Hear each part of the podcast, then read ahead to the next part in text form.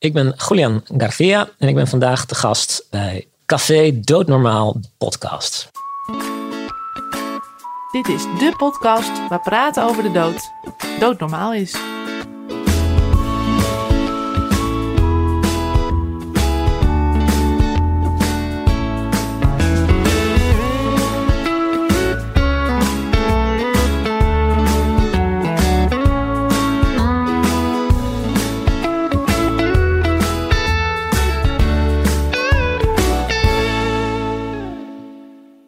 Welkom bij alweer een nieuwe aflevering van Café Doodnormaal, de podcast. Mijn naam is Gerard Ekemans en tegenover mij in een verder verlaten kantoorpand op anderhalve meter afstand zit Sebastiaan Hatting. Ja, dit seizoen hebben we het over euthanasie bij psychisch lijden.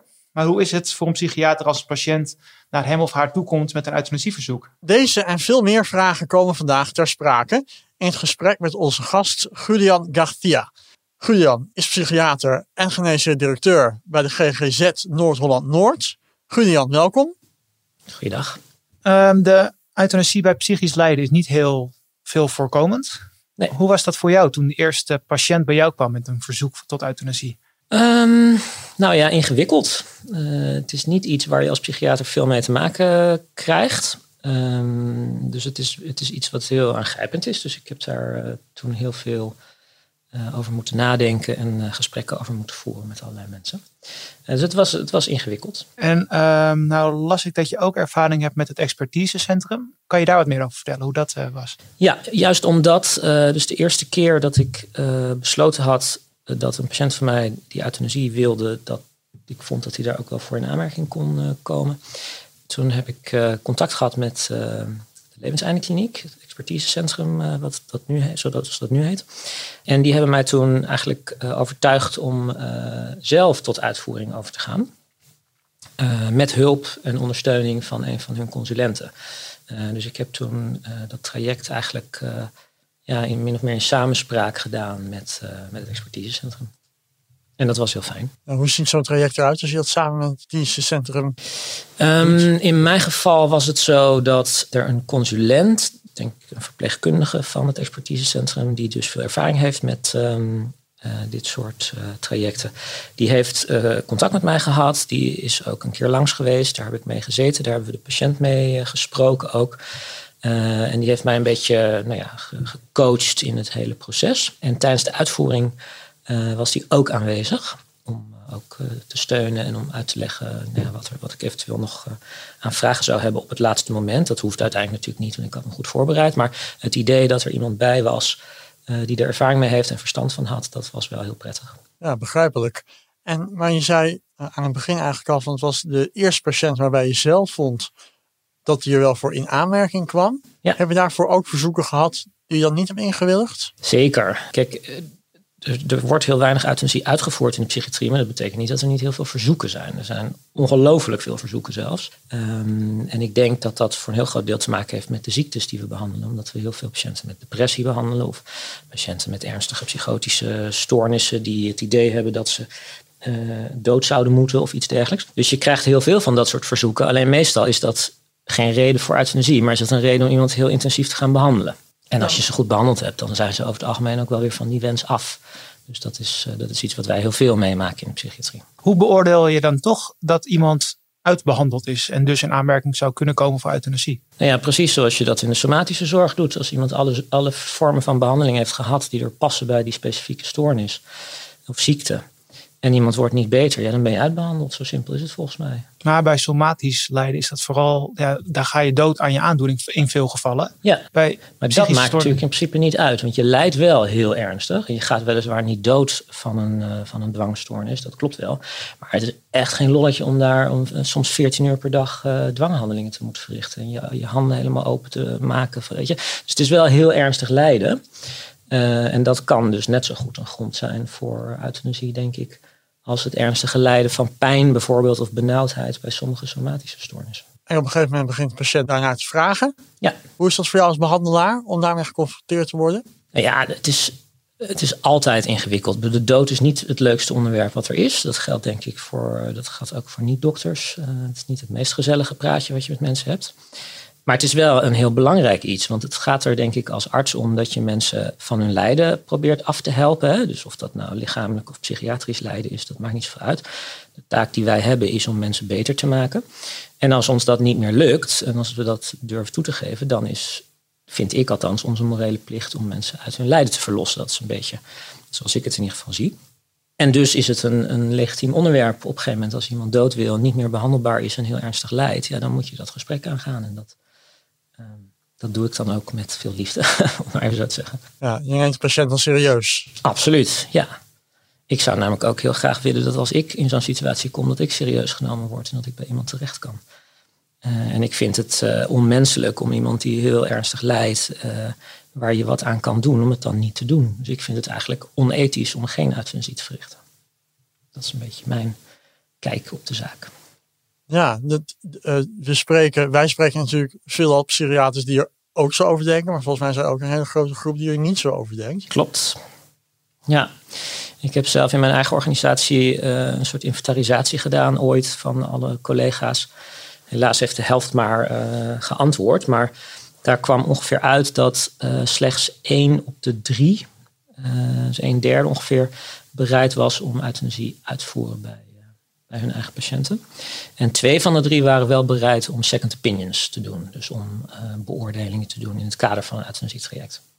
Maar dat vond ik nogal teleurstellend, eerlijk gezegd.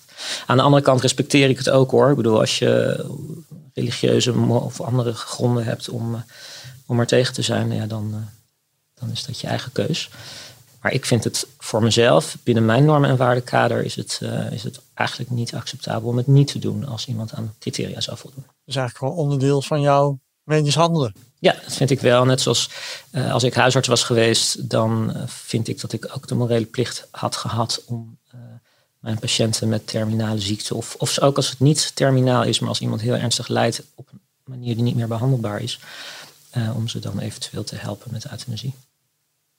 Ik zie dat als integraal onderdeel van het medisch handelen. Het is wel uitzonderlijk natuurlijk. Het is niet iets wat je elke dag wil of kunt doen. Het is heel belastend ook, is mijn ervaring. Ik heb nu twee keer euthanasie uitgevoerd. Um, maar het is wel iets wat erbij hoort, wat mij betreft. En maakt het dat voor jou dan nog een verschil of je uh, euthanasie uitvoert of dat het hulp bij zelfdoding is? Dus dat de patiënt zelf het drankje opdringt? Ja, dat dacht ik dus dat dat wat uitmaakte.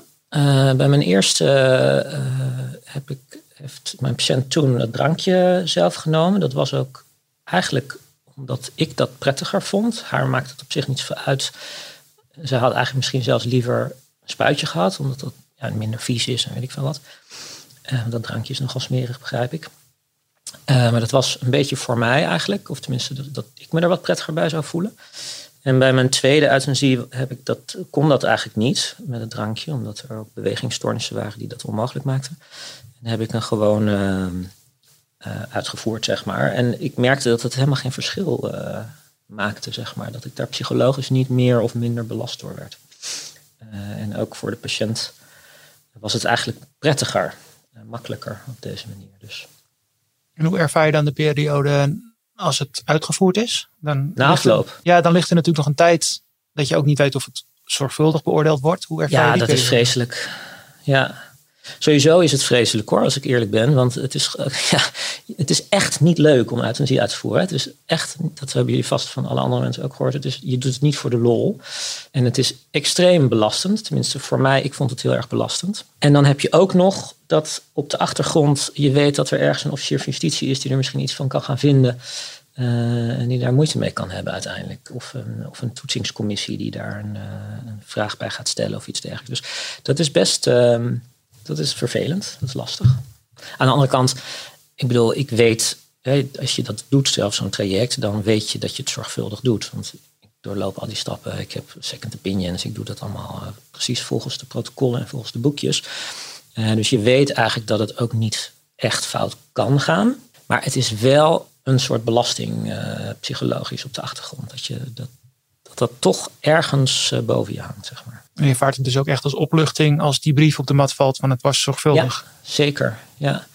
Beide keren. De eerste keer trouwens meer dan de tweede keer. Omdat de eerste keer is natuurlijk alles was heel erg nieuw en heel erg spannend.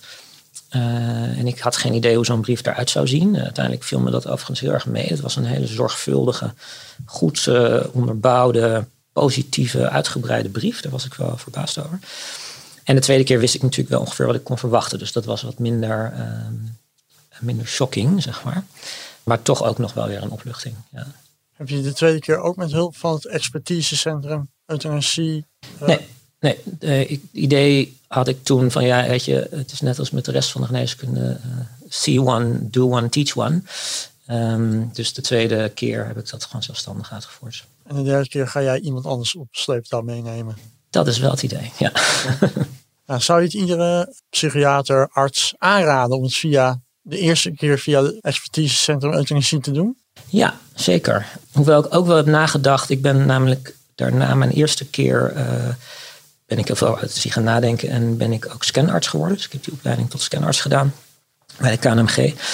En uh, ik heb ook ergens een beetje bedacht van scan staat voor steun en consultatie euthanasie. Dat het ook natuurlijk zo zou kunnen zijn dat je uh, als je niet een heel uitgebreid uh, traject of hulp nodig hebt vanuit het expertisecentrum, dan zou je natuurlijk ook een scanarts kunnen vragen voor, uh, voor steun. Maar ja, ik raad iedereen aan die voor het eerst met zoiets te maken krijgt om sowieso of het expertisecentrum of een scanarts te consulteren. Of een collega met heel veel ervaring natuurlijk. maar je moet niet in je eentje zoiets gaan doen de eerste keer. Dat is, dat is veel te heftig. En nou ligt er een richtlijn euthanasie bij psychisch lijden. Ja. Die is eigenlijk iets strenger dan de wet, want die verwacht dat er een tweede scanarts en het liefst dan iemand in het vakgebied psychiatrie. Ja, als de uitvoerder geen psychiater is. Oké, maar die is dus eigenlijk strenger dan de wet. Want de ja. wet zegt daar niks over. Nee, de Ramsterdam de Paus heb ik daar wel eens iets over gezegd, geloof ik. Ja, ik weet het nog niet zo goed wat ik daarvan vind. Ik denk daar al een tijdje over na. Eigenlijk vind ik het, denk ik, toch onzin. Uh, maar dat mag ik waarschijnlijk niet hardop zeggen. En dat zal de NVV of de NVVP, dus de psychiatervereniging, ook niet leuk vinden. Het maakt namelijk dat er discriminatie ontstaat eigenlijk. Dus je, doet, je gaat dan doen alsof een patiënt met een psychiatrische stoornis fundamenteel iets anders is dan een patiënt met een somatische aandoening. En dat vind ik fout. Dus vandaar dat ik eigenlijk denk, uh, we zouden daarvan af moeten, van die tweede, van die tweede eis. Aan de andere kant is mijn ervaring nu als scanarts met heel veel collega's die bijvoorbeeld huisarts zijn andere specialisten die euthanasie uitvoeren, dat zij zich vaak niet senang voelen uh, bij uh, psychiatrische casussen omdat ze het gevoel hebben of het idee hebben dat ze daar onvoldoende kaas van gegeten hebben, niet goed kunnen beoordelen. Dus ik begrijp ergens wel dat je als huisarts bij een patiënt met een psychiatrische ziekte een extra zorgvuldigheidseis zou willen. Dus dat je een tweede second opinion laat doen of iets dergelijks. Dus ik begrijp het wel. En ik raad ook huisartsen aan om dat te doen als ze uiteindelijk wel bereid zijn om eh, patiënten in de psychiatrie euthanasie te, te verlenen. Maar ik vraag me af of je dat echt zo in een protocol moet zetten. Want dan, maakt je, dan maak je het tot een soort officieel iets. En wat het volgens de wet helemaal niet hoeft te zijn. En wat het ook in mijn ogen niet hoeft te zijn. Nee, na je eerste uh, euthanasie heb je zelf gekozen, vertelde je net, ook scanarts te worden. Ja. Waarom heb je daarvoor gekozen? Omdat er een tekort was, wist ik. Uh, omdat ik het belangrijk en goed werk vind. Uh, en omdat ik mijn expertise als psychiater uh, wilde inbrengen in de scanwereld, zeg maar. Want de meeste scanartsen zijn zelf ook huisarts of hebben, zijn daar terechtgekomen dat ze zelf euthanasie doen in hun huisartsenpraktijk of iets dergelijks. Er zijn relatief weinig specialisten die dat doen. En al helemaal niet zoveel psychiaters. In mijn regio was er één, geloof ik, in heel Noord-Holland. Dus ja, een beetje dat. Dus, dus iets kunnen bijdragen zeg maar, aan de euthanasiepraktijk in Nederland. En daar ook mijn expertise als psychiater bij kunnen inzetten. Maar je vindt het dan nog een stap te ver om te zeggen van ik ga bij het expertisecentrum uh, aan de gang als psychiater. Want die hebben natuurlijk ook een wachtlijst vanwege een tekort op uh, psychiater. Ja, nou ja, kijk, ik vind principieel namelijk eigenlijk dat psychiaters gewoon zelf hun boontjes moeten doppen, hoe noem je dat? Het slaat natuurlijk helemaal nergens op dat, dat bijna alle psychiatrie uh, casussen bij het expertisecentrum aankloppen. Dat is eigenlijk heel raar. Ik vind dat uh, niet correct, zeg maar. Uh, dus ik probeer ook om binnen mijn organisatie bijvoorbeeld collega's uh, uit te leggen dat we dat ook gewoon zelf in hand kunnen nemen. Dat we zelf dat kunnen doen. Dus ik denk dat ik meer kan bijdragen voor de toekomst zeg maar, van de euthanasiepraktijk in de psychiatrie. in ons land door uh, zelf binnen mijn organisatie aan de slag te gaan, dan dat ik me zou aansluiten bij het expertisecentrum. Maar dat is een persoonlijke overweging. Nou, ik denk als alle psychiaters er zo over denken, dat het expertisecentrum euthanasie in principe overbodig is. Ja, wat volgens mij ook oorspronkelijk het doel was om, om zichzelf op te heffen. Uh, en dat lijkt me nog steeds een, uh, een, prachtig doel, eerlijk gezegd. Alleen de praktijk is helaas weer barstig. En uh, op dit moment zijn er gewoon heel weinig psychiaters die bereid zijn om dit te doen. En ik denk dat dat er ook mee te maken heeft dat het gewoon eng is. Want het is, zoals ik zei, het is niet leuk, het is, het is heel zwaar. Het is iets wat je eigenlijk liever niet wil doen. En dus ik begrijp dat wel, dat collega's daar niet per se op zitten te wachten. Maar ik denk dat als, als de juiste steuner is, bijvoorbeeld vanuit de uh, consultatiefunctie van het expertisecentrum, als ze daar wat actiever uh, mee de boer op gaan, zeg maar, langs uh, instellingen gaan en daar praatjes gaan geven, ik noem maar wat, en actief hulp aanbieden, dan zou dat misschien op de lange termijn tot een betere praktijk kunnen leiden. Zou je jezelf activistisch noemen op dit standpunt? Wow, ik ben na. Nee, heel mild. Ik ben mild activistisch. Laat ik zo zeggen, ik vind het een belangrijk onderwerp en ik zal uh, gelegenheden ook aangrijpen om het op, uh, zeg maar, uh, om het aandacht te brengen. Dus als ik gevraagd word voor een interview of dan doe ik dat met heel veel liefde. ook binnen, de binnen mijn organisatie geef ik er regelmatig lezingen over of probeer ik collega's ja, bij de hand te nemen en een beetje te begeleiden en te helpen daarin. Maar echt activistisch, dus de, de politiek ingaan om, uh, om hier iets aan te doen, dat gaat mij een beetje te ver. Dat zit niet helemaal in mijn karakter, denk ik, om dat te doen. Maar ik zou het wel fijn vinden als bijvoorbeeld een organisatie als het expertisecentrum dat wel doet. Dus de psychiaters daar, uh, dat die uh, ja, van zich laten horen en daar wat, wat meer mee in de publiciteit komen. En merk je nou verschil tussen je jongere en oudere collega's in hun opvatting ten opzichte van euthanasie? Ja, ik denk het wel. Ik kan het niet echt helemaal hard maken, maar ik vertelde net over de inventarisatie die ik had gedaan bij onze collega psychiaters. En dat dat vrij mager was wat uh, aan enthousiasme was om mensen te helpen, zeg maar, in dit soort situaties. Ik heb ook de vraag neergelegd bij alle onze AIOS, dus de assistenten in opleiding uh, tot psychiater. En daar was de verhouding heel anders. Daar was het zo dat eigenlijk uh, 80 procent, ik geloof wel 90 procent zelfs uiteindelijk, uh, bereid zou zijn om euthanasie uit te voeren. Nou is dat natuurlijk ook makkelijker gezegd dan gedaan. Ja. Want als je nog in opleiding bent, ben je nog niet misschien in de positie om dat ook te doen. Dus het kan ook een beetje overmoed zijn of hoog moeten. Maar ik denk dat het ook wel ermee te maken heeft dat gewoon de ideeën over euthanasie in de afgelopen 30, 40 jaar heel erg veranderd zijn. Um, ik bedoel, de hele wet uh, is er natuurlijk pas sinds, wat is het, 2002 geloof ik, hè, de, de, WTL. Ja, ik denk dat dat er ook mee te maken heeft. Dus de, de, de maatschappelijke ideeën over levenseinde, die zijn gewoon aan het veranderen. En jonge mensen zijn nou eenmaal gevoeliger voor veranderingen dan oudere mensen. Over het algemeen. En het zit wellicht ook meer in de opleiding. Nou, ik kan me niet herinneren dat het bij mij in de opleiding überhaupt aan bod is geweest, eerlijk gezegd. Het is iets wat natuurlijk wel in de geneeskundeopleiding zit ik kan me niet heugen, maar goed, pin me er niet op vast. Maar ik geloof niet dat het bij mij in de psychiateropleiding uh, dat euthanasie aan de orde is geweest. Het is niet iets wat specifiek uh, aan psychiaters wordt onderwezen, denk ik. En zou je vinden dat dat moet? Het zou kunnen zijn dat het nu ondertussen wel is. Ik ben natuurlijk zelf al wat ouder ondertussen.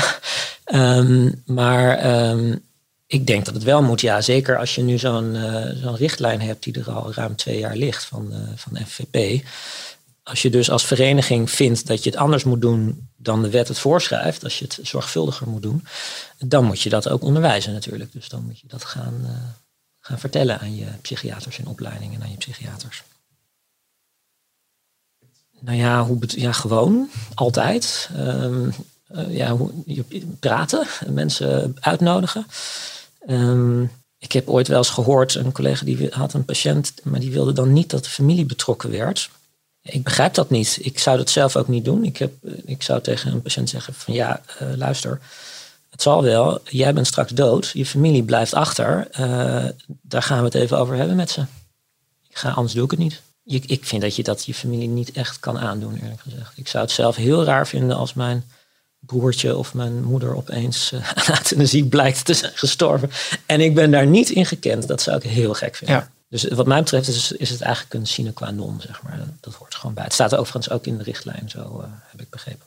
Volgende week hebben we Elena Lindemans uh, te gast in de volgende aflevering. En haar moeder is uiteindelijk, nadat ze wel een euthanasie-traject heeft aangevraagd, heeft het verzoek ingediend, is dat niet ingewilligd. En die heeft zelf een eind aan haar leven gemaakt. In de documentaire komt heel scherp terug dat de uh, psychiater bij wie ze het verzoek heeft ingediend niet op de hoogte was van de zelfdoding.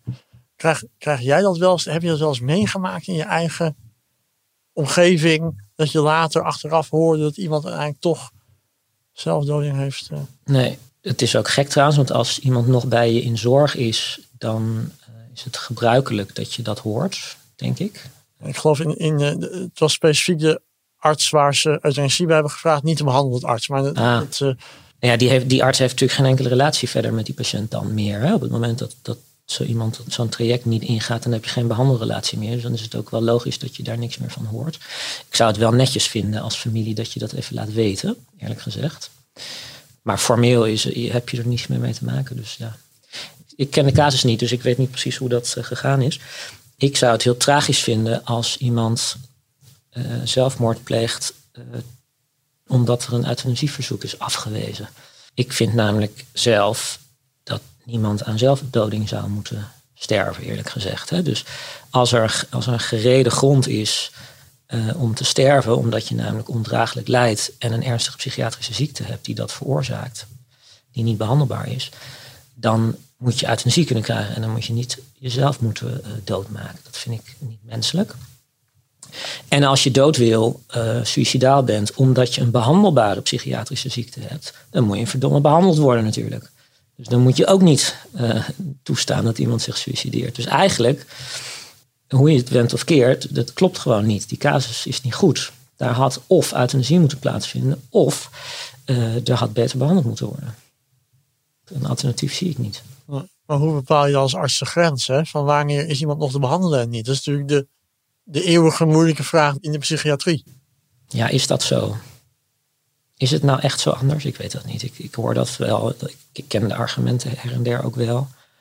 Ik vraag me dat af. Ik heb zelf die twijfel niet zo sterk, omdat ik denk dat we best wel goed in staat zijn om te bepalen of iemand wel of niet uitbehandeld is. En de mensen die zeggen dat dat niet zo is, is omdat ze dingen behandelen die misschien helemaal niet vallen onder de psychiatrie bijvoorbeeld. Dat wat geen, geen psychiatrische ziekte is, ja, dan kun je natuurlijk eeuwig door blijven behandelen. Dat zal wel.